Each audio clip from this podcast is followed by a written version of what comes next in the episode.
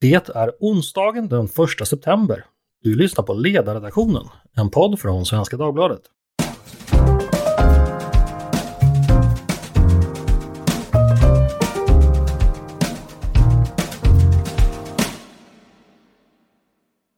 Det ska bli svårare att ändra grundlagen och Sverige behöver en författningsdomstol. Det menar Centerpartiet. Annie Lööf tog upp den här saken i sitt sommartal och har också utvecklat de här tankarna i en debattartikel i DN. Behöver den svenska demokratin utökat skydd av den här typen? Vad är bra respektive dåligt med det? Varför kommer det här förslaget just nu? Och varför har positionerna i den här frågan skiftat som de gjort under åren? Det ska vi prata om idag. Och vi, det är dels jag som heter Andreas Eriksson och så mina två gäster. Den första heter Gunnar Strömmer. Han är partisekreterare för Moderaterna och grundare av Centrum för rättvisa. Välkommen hit Gunnar! Tack så mycket! Och den andra gästen heter Paulina Neuding, min kollega här på ledarsidan, som ofta skrivit om fall just då juridiken möter politiken. Välkommen hit Paulina! Tack så mycket! Vi börjar väl eh, med trädets stam så att säga. Eh, Gunnar, vad, tänk, vad, tänker du när du hör Centerns förslag om att ge grundlagen ett starkare skydd och en starkare ställning? Håller du med om att det är en god idé? Jag tycker i grund och botten att det är en god idé och sen har jag kanske en del synpunkter på några av de valda tekniska lösningarna. Varför behöver grundlagen ett bättre skydd? Mm, jag tycker vi har varit inne i en utveckling under flera decennier egentligen i Sverige där grundlagens betydelse har liksom förstärkts. Framför allt kan man säga att sen vi blev medlemmar i EU i mitten på 90-talet så blev vi liksom del av en rättsordning där man på ett annat sätt fått samspel mellan regering, riksdag och domstolar, alltså det vi brukar tala om maktdelning. Eh, alltså att makten balanseras så att säga på ett lämpligt sätt. Eh, men också att grundlagen som en konsekvens av det eh, och Europakonventionen som ju också reglerar enskildas rättigheter blev mer praktiskt användbar. Framförallt genom att uh, enskilda människor kan, när man upplever sig blivit föremål för ett övertramp, ytterst få sin sak prövad i domstol. Man får väga av helt enkelt om ja, men ett politiskt beslut eller ett myndighetsbeslut är okej okay, eller om det strider mot en högre norm, en bestämmelse i grundlagen till exempel. Så att, eh, på det sättet kan man väl säga att det är ganska naturligt att fortsätta jobbet att stärka så att säga vår demokratiska rättsstat. Eh, och det kan man göra på olika sätt och några förslag har Centern tagit upp. Men om jag vänder på det, om det är så att grundlagen har blivit allt viktigare och att den dyker upp allt oftare i olika prövningar, finns det inte någon större anledning att den också ska kunna ändras och anpassas till olika skilda politiska åsikter eller skilda tider? Poängen är väl den att alltså, grundlagarna är liksom inte, det kommer ju inte från något okänt håll, alltså från Gud eller något liknande, utan det är också vanliga politiska beslut när man kommer överens om vilka grundlagar som ska gälla. Och poängen med det är att det ska finnas liksom långsiktiga spelregler som i alla fall eh, kan eh, trumfa ut liksom kortare politiska beslut om de liksom strider mot de där långsiktiga spelreglerna. Så att jag tycker det finns ett stort utrymme för politiska majoriteter att dra ett land åt olika håll utan att det på något sätt står i konflikt med grundlagen. Men inte minst kan man säga när man fattar beslut som rör enskilda människor så kan det ju få en sån effekt. Så det finns liksom en, jag tycker inte det finns en särskilt, i praktiken särskilt stor konflikt mellan att å ena sidan folkviljan eh, vid varje given tidpunkt ska få genomslag i riksdagen och å ena sidan och andra sidan folkviljan uttryckt med lite mer långsiktiga spelregler i grundlagen också ska få ett genomslag. Utan de där två grejerna balanserar varandra. Okej, okay. eh, vänder mig till dig Paulina. Kan du bara kort redogöra från ditt perspektiv hur du tycker eh, de starkaste argumenten för respektive emot att skydda grundlagen med hjälp av olika typer? Nu låter det lite som en tentafråga det här, men, men om du bara kan eh, berätta hur du ser det. Jag får flashbacks här. Ja. Eh, nej men jag tänkte haka i Gunnar också och säga att det har hänt väldigt mycket på det området i Sverige det senaste halvseklet. Alltså vi har gått, vi har, vi har fått Europakonventionen har blivit svensk lag och så har vi liksom fått vänja oss vid tanken om eh, att det finns en Europadomstol i Strasbourg som när de svenska möjligheterna är uttömda så kan människor söka sig dit för att få, få rätt mot staten. Och sen så har vi också någonting som heter regeringsformen 1114 som innebär att domstolar får eh, bortse från lagar och bestämmelser som strider mot högre, högre lag, det vill säga mot grundlag till exempel. Eh, och eh, där fanns det fram tills för tio år sedan så fanns det någonting som hette uppenbarhetskravet eller uppenbarhetsrekvisitet, nämligen att det krävdes att det var ett uppenbart fall eh, av, ett, av övertramp, så att säga. Och det tog man bort, så det behöver inte vara uppenbart längre. Och då sa eh, sa man från alliansregeringens sida att, det, att man hade gjort varje svensk tingsrätt till en författningsdomstol, om jag minns det rätt. Minns jag rätt Gunnar? Eh, man kan, jag vet faktiskt inte om de sa det, men det blev i alla fall den praktiska effekten. Ja, det, det blev i alla fall kontenta. Okay. Eh, och, så att det har hänt väldigt mycket de senaste åren i, eh, på det här planet. Och historiskt har det varit så att eh, högern i Sverige har varit så politiskt marginaliserad 70-talet, 80-talet. Man var så politiskt marginaliserade eh, så att man, man satte liksom sina förhoppningar till eh, att olika sätt med hjälp av juridiken få ett starkare skydd till exempel för äganderätten. Mm.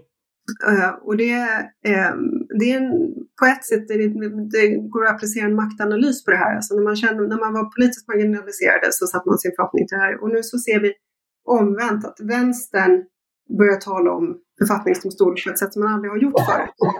Just därför att man tror att det kommer att gagna ens egna maktambitioner, ens egna intressen. Mm. Um, just det, jag tänkte vi skulle återkomma till just de här politiska eh, analyserna och delar. Eh, jag tänkte bara det, det jag frågade dig också. Vad, vad, ser du några uppenbara för, nackdelar med den här typen att man stärker och skyddar grundlagen eh, mer mot så att säga det politiska läget just nu? Mm. Eller är det, är det bara fördelar med det? Det är, klart, det är klart att det finns fördelar med det. Och sen så finns det uppenbara nackdelar när man inskränker demokratin och säger att Eh, här går gränsen för vad demokratin får besluta över. Sen går, lämnar vi över till en, en juridisk makt som, inte, eh, som folket inte kan, eh, eh kan bestämma över på samma sätt. Mm. Eh, det är en inskränkning av hur långt folkviljan når. Och det finns förstås väldigt stora risker förknippat med det. Därför att eh, domstolar har, precis som alla andra maktcentra, en tendens att stegvis utvidga sin egen makt. Och det har vi sett historiskt också Europadomstolen, har vi sett EU-domstolen, USAs högsta domstol. Alltså man, man tenderar att bestämma mer och mer och mer. Och förflytta fler och fler saker från eh, vad människor har makt att bestämma över mm. eh, genom parlamentet, genom riksdagen. Och det är problematiskt? Och det är förstås demokratiskt problematiskt. Mm. Så att jag Gunnar, tror, köper, jag köper du... En maktkamp. Ja, eh, Gunnar, köper du att det kan vara problematiskt med det som Paulina beskriver? Ja, men alltså så här. Eh, jag är ju för att man ska ha den här maktdelningen, alltså regering, riksdag, domstolar, att alla tre spelar en viktig roll i en demokrati. Och demokrati är ju så att säga, det är ju inte bara folkviljan vid varje given tidpunkt. Alltså, de flesta av oss tycker nog att det är ganska rimligt att 51 procent inte kan göra vad de vill men de 49. Ehm, och det är därför vi till exempel har ett starkt skydd för individens fria rättigheter. Det finns liksom gränser för vad politik och myndigheter får göra mot enskilda människor och deras yttrandefrihet eller äganderätt eller vad det nu kan vara för någonting. Eh, så i grund och botten tycker jag att det beror också på vad man menar med demokrati. Om man med demokrati bara menar, eh, så att säga, demokrati i form av att människor var fjärde år går och röstar, då är det klart att det är en inskränkning att vissa politiska beslut kan bli granskade av domstolar. Eh, men jag tror samtidigt att den demokratisyn, vi kommer tillbaka till det här med liksom är en borgerlighet med dåligt självförtroende marginaliserad på 70-talet som gillade det här då, nu är det någon annan som gillar det. Ja då, jag tror att det absolut spelar roll. Men det är också en liten ideologisk fråga hur man faktiskt ser på vad som är demokrati. Eh, och jag tycker att från liksom, både liberalt och konservativt håll har det varit en, en viktig sak att säga att demokratin rymmer liksom flera komponenter där förstås de allmänna valen och eh, vad folkets representanter i riksdagen kommer fram till är liksom en hörnsten. Men det är också att vi respekterar mänskliga rättigheter och att politiken inte kan göra precis vad som helst. Eh, utan det måste finnas någon form av kontroll så att man inte missbrukar sin makt. Eh, vad jag däremot tycker är liksom en, så det, det menar jag att i grund och botten tycker jag att det här är bra. Sen finns det absolut en tendens, både i andra länder och i någon mån begynnande i den svenska debatten också, att man vill trycka bort en del saker från politiken eh, och liksom skydda det grundlagsmässigt eller med domstolar som är frågor som i grund och botten inte handlar om till exempel enskilda människors grundläggande fri och rättigheter. Eh, men det var ett sådant där uppmärksammat fall här bara för en tid sedan, den här frågan om man ska grundlagsskydda public service eller inte. Eh, och där man kan konstatera att runt om i världen så har man organiserat public service på väldigt olika sätt. Eh, och det är väl en mycket liksom legitim demokratisk fråga att en riksdag eh, kan liksom ha, ha synpunkter på hur man ska utforma public service. Det är typiskt sett en sån sak som man kanske av andra politiska skäl vill göra det till juridik, göra det till grundlagsskydd, när det egentligen är en fråga som faktiskt man ska fatta demokratiska beslut om. Så att missbruksrisken finns absolut där. Ehm, men det hindrar inte, tycker jag, att då får man väl slå ner på det missbruket men värna det som är viktigt och rätt med det. Mm, just det. Eh, nu Centern presenterar det här förslaget eh, så jobbar det som en del i att man vill eh, då som man säger skydda den liberala demokratin. Och hänger man med i det politiska snacket så vet man att skydda den liberala demokratin på center, centerpartistiska betyder att man ska akta sig från, från SD och de som har med SD att göra. Är just att SD och partier av den typen växt, är det en bra anledning tycker ni att börja diskutera den här typen av frågor? Är det en rimlig utgångspunkt om man märker att vissa politiska krafter växer, då måste vi också börja fundera på hur så att säga, den etablerade ordningen ska skyddas. Vad säger du Paulina? Ja, jag tycker att Annie Lööf, naturligtvis är det så. Alltså, eh, Håkan Boström skrev väldigt bra om det här i Göteborgs-Posten igår. Um, Annie Lööf har bytt block och måste rättfärdiga det här och ägnar sig därför åt, åt att ropa varg på ett helt oförlåtligt sätt tycker jag om eh, vad ett allianssamarbete med SD, eller vad ett högersamarbete med SD skulle innebära. Att det skulle innebära slutet på den liberala demokratin och så vidare. Eh, jag tror att det är mycket mer en fråga om vad Annie Lööf har, har behov av att säga än den faktiska verkligheten. Okej, okay. Eh, får jag hoppa lite över till Gunnar bara. Det jag sa nu och det Paulina sa nu, köper du den analysen? Ligger det någonting i den? Och hur, eller hur tänker du kring det? Jag tycker absolut att det ligger någonting i att det finns ett, ett skrammel i debatten att blir det en borgerlig regering som samarbetar med SD då får vi en polsk-ungersk utveckling i Sverige. Eh, och då kan personer som normalt sett inte alls bryr sig om grundlagsfrågor plötsligt eh, hitta dem som lämpliga verktyg i en dagspolitisk debatt om regeringsfrågan. Så är det absolut. Um, sen tror jag man ska, vad det Centern får väl svara för sig själva. Jag tror väl en rättvis bild är väl så här. Eh, det finns starka instinkter över lång tid i Centerpartiet om att till exempel skydda äganderätt och, eh, och att värna liksom rättsstaten. Men det är väl uppenbart i debatten som den är att ska man legitimera sitt, sitt vägval här så, så, så är det här en del av liksom grundackordet. Och det, det, det, det, det är bara att se det och så att säga påtala det.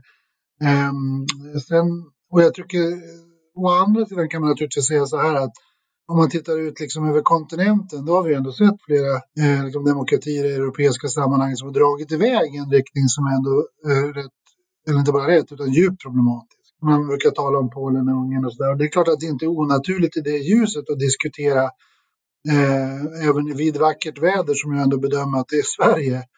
Eh, vilka lärdomar man kan dra av det. Eh, och det kan man nog hitta någonting som positivt men det är klart att använda detta som något sådär partipolitiskt eh, slagträd därför att man inte gillar tanken på att eh, någon annan än Socialdemokraterna ska styra landet. Det är förstås eh, det är lite slappare. Du låter välavvägd som en uh, gammal folkpartist Gunnar. Uh, Paulina, ja. vad säger du på uh, Gunnars svar? Jag, jag, väljer att ta det som en komplimang i det här sammanhanget. När det kommer från mig så är det en komplimang.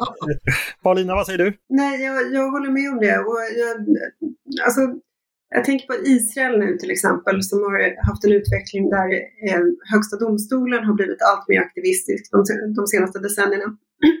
och det har skapat enorma slitningar. Menar, vi går igenom en tid där hela västvärlden är uppdelad i stora inomsamhälleliga slitningar på ett sätt som vi inte har haft tidigare. Och att då säga att ja, men vi flyttar ännu mer makt från folket till de här institutionerna och man vet att de institutionerna befolkas av människor som är ungefär som man själv, alltså som är liberala, anywheres och så vidare. Eh, det, jag tror att det är väldigt vanskligt. Och just i Israel har det lett en ganska lustig debatt. Det var, eh, förra året, eller två år sedan tror jag att det var, som inrikesminister, numera inrikesminister Ayelet Shaked hade en annons där hon, eh, hon är väldigt snygg också, så hon gör en modellig annons där hon eh, gör reklam för en parfym som heter Fascism. Och i den här parfymreklamen så säger hon att hon vill ha eh, mindre makt för Högsta domstolen, mindre av juridifiering och så vidare. Och så säger hon andra kallar det här för fascism, men för mig så doftar det demokrati. Och så sprutar hon ur en parfymflaska som det står fascism på. Och det är liksom, för så, så har debatten sett ut i Israel. Alltså mm. är du emot en allt större maktkoncentration eh, hos Högsta domstolen, då är du fascist. Så att det har varit liksom de här två uppdelningarna och det är det hon skämtar med i den här eh, reklamen. Som okay. är väldigt sevärd, även ur ett svenskt perspektiv. Mm. Men Paulina, Eh, jag tänker bara så här, eh, det är ju ändå inte så att det är liksom utomjordingar som, som landar i, i, Stockholm på Högsta domstolen och liksom styr. Det finns ju ändå även liksom en, ett demokratiskt ursprung där så liksom att det är regeringen som utser, precis som det är i USA där presidenten utser domare. Kan man inte se den här maktdelningen som en typ av att eh, vi har helt enkelt olika tidsperspektiv representerade. Precis som i vissa länder har man flera olika kammare i parlamentet exempelvis, vilket vi haft i Sverige tidigare då liksom gamla valresultat i kommun och landsting låg kvar längre så att, så att, liksom att det är en inbyggd automatiskt vad ska man säga, ankare i, i, i liksom beslutsprocessen. För så är det väl ändå tänkt i det optimala fallet, i ideala fallet som, som Gunnar beskriver, att det är tänkt att fungera är det inte ett värde att, att ha det så, liksom, att man har en konservativ grund? Mm. Ja, men, så. Visst, det, det, är en väldigt god tanke, men risken är att det i praktiken ser ut ungefär som inom public service till exempel, att det blir en institution som blir väldigt märkt av en viss typ av ideologi. Mm. Jag tänker mig liksom, eh, en konstitutionsdomstol som leds av eh, ja, någon, någon som resonerar ungefär som Anne Ramberg till exempel, Advokatsamfundets tidigare ordförande. Alltså en person som är väldigt tydligt, eh, tar väldigt tydlig politisk ställning också i sina juridiska ställningstaganden. Och det tror jag vore väldigt riskabelt, särskilt i en tid när vi är så väldigt delade. Mm. Får jag komma in där? Jag, det här, jag tycker ju kanske att man ska vara lite försiktig med att tillskriva hela juristkollektivet eller domarkollektivet så att säga, politiska värderingar som får genomslag vid dömandet. Ska man vara lite krass kan man väl säga så här att om det är någon ideologi som är förhärskande bland svenska jurister så är det att göra som lagstiftaren säger. Eh, det vill säga ramen för, ramen för den dömande verksamheten, eller inte bara ramen utan även innehållet i hög grad styrs ju av lagstiftningen. Eh, kollar man på hur, hur svenska domstolar har hanterat de senaste decennierna när rättighetslagstiftningen fått kraftigare muskler när, eh, när liksom domstolarna genom att vi är med i en europeisk rättsordning har fått en mer framskjuten roll. Det är ju inte så att det är några excesser om jag får uttrycka mig så, vare sig det ena eller det andra hållet, utan det är på det hela taget rätt mycket sans och balans. Och det tycker jag är en rätt viktig sak. Vårt rättssystem bygger i grund och botten på att domstolarna gör det grundlagar och lagstiftningen säger. Så i den bemärkelsen är ju domstolarna föremål för en, en demokratisk kontroll Ehm, så det tycker jag är det, det ena. Det andra som jag däremot tycker det ligger någonting i, är lite, ännu, ännu lite mer, för det betyder naturligtvis ändå inte att man blir färgad i sina perspektiv av det sammanhang man verkar i. Eh, och jag tror ju själv att det skulle vara då en dålig idé med en centraliserad författningsdomstol. Alltså, jag tror ju att mycket bättre med institutionell konkurrens även på, på rättsområdet. Alltså om man tar det där som Paulina sa inledningsvis med att varje tingsrätt egentligen blir en konstitutionell domstol så är det sant. De viktiga fallen om äganderätt, om diskriminering, om, eh, om föreningsfrihet, om yttrandefrihetens gränser, de har ofta startat i en domstol i Haparanda eller i Helsingborg eller Uppsala. Eh, det vill säga ganska långt från den politiska makten i Stockholm. Och det, det, tror, jag är, det tror jag är ett sätt att, så att säga, minska risken för Eh, för att en, ska vi säga, en specialdomstol eh, som rör sig så att säga eh, ja, men nära den politiska makten i Stockholm hade nog, om vi tänker att det hade funnits en sån för 30 år sedan, eh, eller 30 år sedan vi blev medlemmar i EU ungefär. Ehm, eh, om det hade funnits en sån som skulle ta hand om alla de här fallen där och då, då tror jag vi hade haft en mycket långsammare och trögare och man får säga så, sta, statslojal rättstillämpning utan den här liksom, återigen den här lite konkurrensutsättningen att alla domstolar i grund och botten kan ta på sig den här kontrolluppgiften har liksom gjort att det här har balanserats på ett väldigt bra sätt. Så att nej, jag är inte rädd för att det skulle finnas någon allmän liksom, vänsterkultur bland svenska jurister på samma sätt som kanske högern för 30-40 år sedan trodde att det fanns en vänsterkultur som eh, eller förlåt, som Socialdemokraterna för 30-40 år sedan trodde att det fanns en högre kultur bland juristerna som så att säga skulle missgynna dem om fallen kom dit. Eh, däremot så tycker jag att det är relevant att säga att det finns stora risker med att centralisera den här typen av bedömningar i en politiken närstående specialdomstol. Då finns det liksom risker. Så att, eh, ja, det långa talets korta mening var egentligen det. Jag tycker att jag tycker det är bra med domstolar som kan så att säga pröva om politiker och myndigheter som fattar beslut, framförallt som rör enskilda, har hållit sig inom de spelregler som vi också i demokratisk ordning har, har beslutat om. Men jag tror att det är mycket bättre att det här är något som sker i den vardagliga domstolsverksamheten ute i landet. Till slut landar det väl i någon hög domstol i Stockholm ändå. Inte att det så att säga centraliseras på toppen nära politiken. Paulina, det var, det var mycket här. Du, du eh, låter lite som det var du som ropade varg nu att det är egentligen så att svenska jurister inte är så mycket höger eller vänster, de är, de är trogna eh, lagen. Att det är risken för en centraliserad juridisk makt är överdriven. Eh, ja, vill du bemöta Gunnar på något sätt eller? Ja, nej, men jag ska inte heller dra en hel yrkeskår över en kam och det är inte heller min Nej, det, det är faktiskt min uppgift. Ja, precis. Eh, det, ja, man kan se sådana tendenser på det straffrättsliga området att eh, det, det, skickas signaler från juristkåren att man inte är så intresserad av de straffskärpningar som, eh, som genomförs politiskt, att det finns ett motstånd där. Eh, så att, och de signalerna tycker jag man ska liksom, vara lyhörd för, se när de kommer. Men det finns också en internationell erfarenhet av att det finns tendenser till grupptänkande eh, tänkande i alla, i alla sammanhang och eh, man ska vara vaksam på risken att något sånt sker inom juristskrået också. Det är inte mer med. Precis. Eh, en risk eh, som jag vet att du har varit inne på Paulina, det är ju det här med att just att de här idéerna kommer just nu när det är liksom en, ett val som närmar sig och där en, en alternativ riksdagsmajoritet ja, beskrivs som något väldigt hotande. Det är naturligtvis att väljarna kommer känna misstänker jag att aha, okej, vi röstar fel, men då kommer de stifta lagar mot att vi har röstat fel och att det så sin tur skulle kunna driva ytterligare populistiska eller anti-etablissemangs eller etablissemangskritiska röster. Gunnar, ser du någon sån risk att det skulle kunna ske?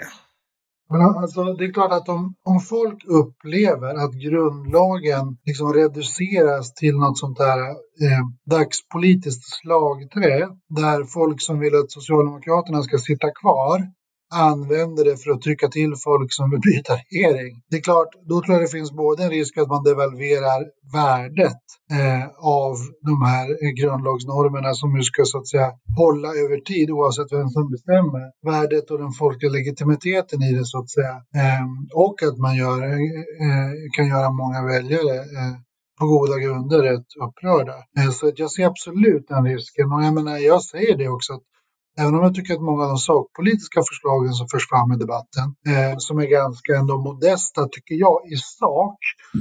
Eh, ja, men till exempel, eh, eh det finns ju flera, bara för att konkretisera det finns en diskussion. Ska man, ni vet, ska man ändra grundlagen måste man ha två majoritetsbeslut på varsin sida om ett val. Är det rimligt att man ska kunna ha ett extraval eller eh, också och kunna på det sättet ändra grundlagen väldigt snabbt?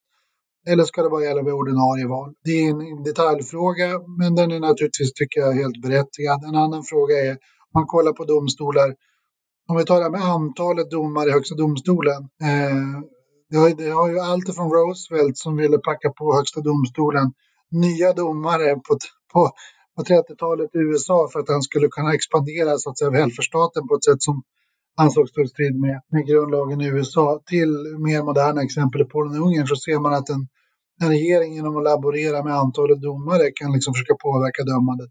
Sådana frågor tycker jag är legitima i sak alldeles oavsett så att säga, den dagspolitiska debatten i övrigt. Men det är klart att man måste vara både blind och döv om man inte ser det Paulina lyfter, att det här också används som ett slagträ i en mycket kortsiktig fråga, nämligen vem som ska leda landet till nästa, efter nästa val så att säga. Mm. Och det är, bara för att upprepa mig, men samtidigt understryka det, det är jättedåligt för våra grundlagar därför att det liksom riskerar över tid att minska legitimiteten om man använder grundlagsargument på det sättet, alltså bland, bland medborgarna. Och det andra är att folk verkligen kan också få den uppfattningen att vet om vi tycker fel och röstar fel, ja då ska vi straffas eh, genom att man grundlagsvägen ska så att säga motverka det. Mm. Och det är naturligtvis, skulle, vi, skulle det verkligen accentueras en sån debatt och skulle vi gå en sån utveckling till mötes, då vore det jättedåligt. Just nu upplever jag inte att vi är där, men visst finns, visst finns de eh, så att säga, tecknen i skyn. Mm det, det är fascinerande måste jag säga. Jag gick ju till läggen innan det här eftersom eh, jag kom ju aldrig in på just, juristlinjen utan då tvingades gå, gå, gå på Handelshögskolan som många av oss andra stackare. Men, men, verkligen. Se hur det gått Se hur det gått. Men jag gick till läggen och hittade då liksom Europadomstolen beskrevs av Olof Palme på 1980-talet som, som liksom en lekstuga.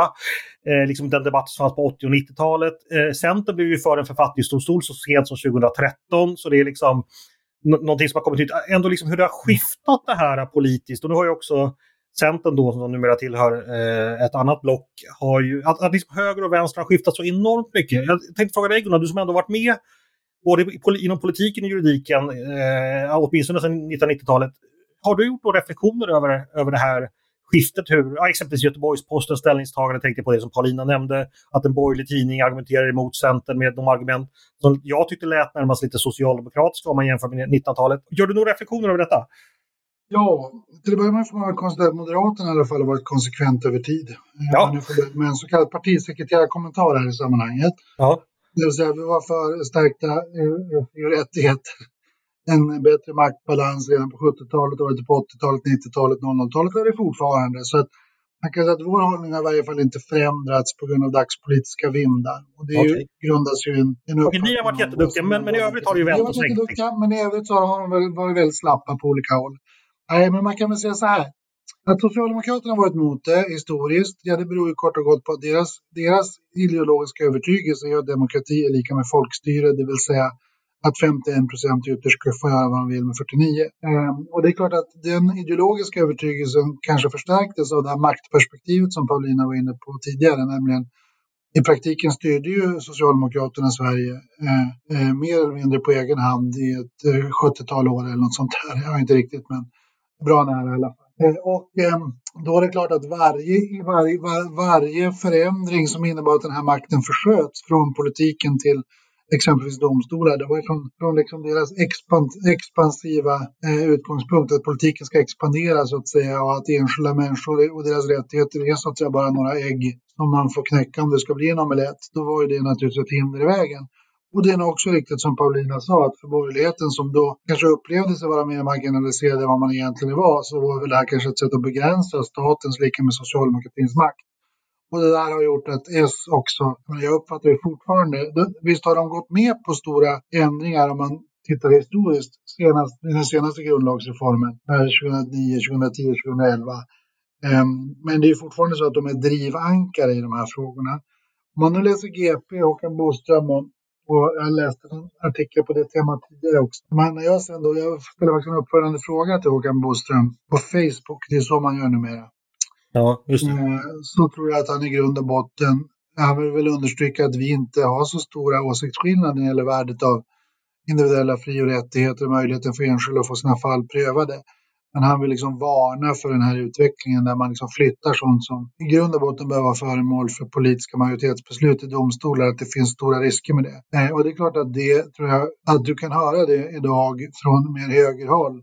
Det är väl för att det finns de som ser eller upplever att de här nu traditionella grundlagsargumenten nu används på ett sätt som är ägnat att begränsa utrymmet för politiska uppfattningar som i grund och botten är helt demokratiskt legitima. Så att, mm. Visst, du kan se det där tidvattnet komma och gå lite grann. Eh, och den debatten har nog sitt berättigande. Men om man rensar bort den debatten och sen tittar på själva sakfrågorna, då tror jag egentligen fortfarande att det finns en ganska stor samsyn mellan olika borgerliga röster om, om ändå värdet av att, att politiken, riksdagen, inte har så att säga en obegränsad makt. Det finns liksom ingen anledning att romantisera den ohämmade folkviljan utan makt och motmakt. Det är ett ganska traditionellt borgerligt ackord. Paulina, du, du får avsluta med liknande historisk exposé och reflektion över det som Gunnar bjöd på.